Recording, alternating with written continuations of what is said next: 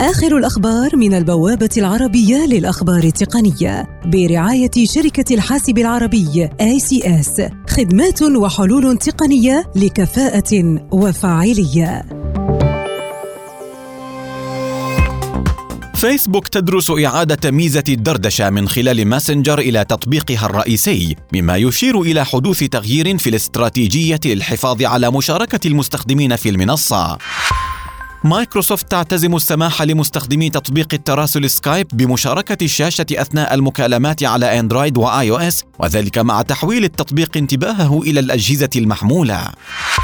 أبل تبدأ بإظهار مربع تأكيد الاشتراك في تطبيقات متجر App Store كخطوة لمنع المستخدمين من الاشتراك عن طريق الخطأ وللحيلولة دون تعرضهم للخداع من خلال تطبيقات الاحتيال التي لا تلتزم بقواعد المتجر.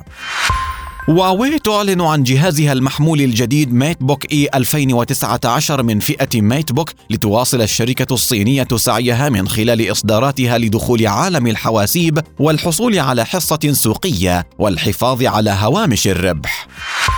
شركة ديزني للإعلام والترفيه تعتزم إطلاق خدمة البث المباشر الخاصة بها Disney Plus في الثاني عشر من نوفمبر المقبل حيث كانت ديزني تسعى لدخول عالم البث المباشر منذ سنوات عديدة لمنافسة نتفليكس.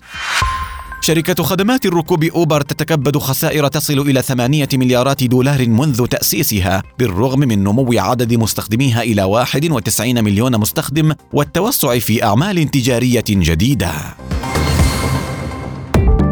آخر الأخبار من البوابة العربية للأخبار التقنية برعاية شركة الحاسب العربي ACS خدمات وحلول تقنية لكفاءة وفاعلية.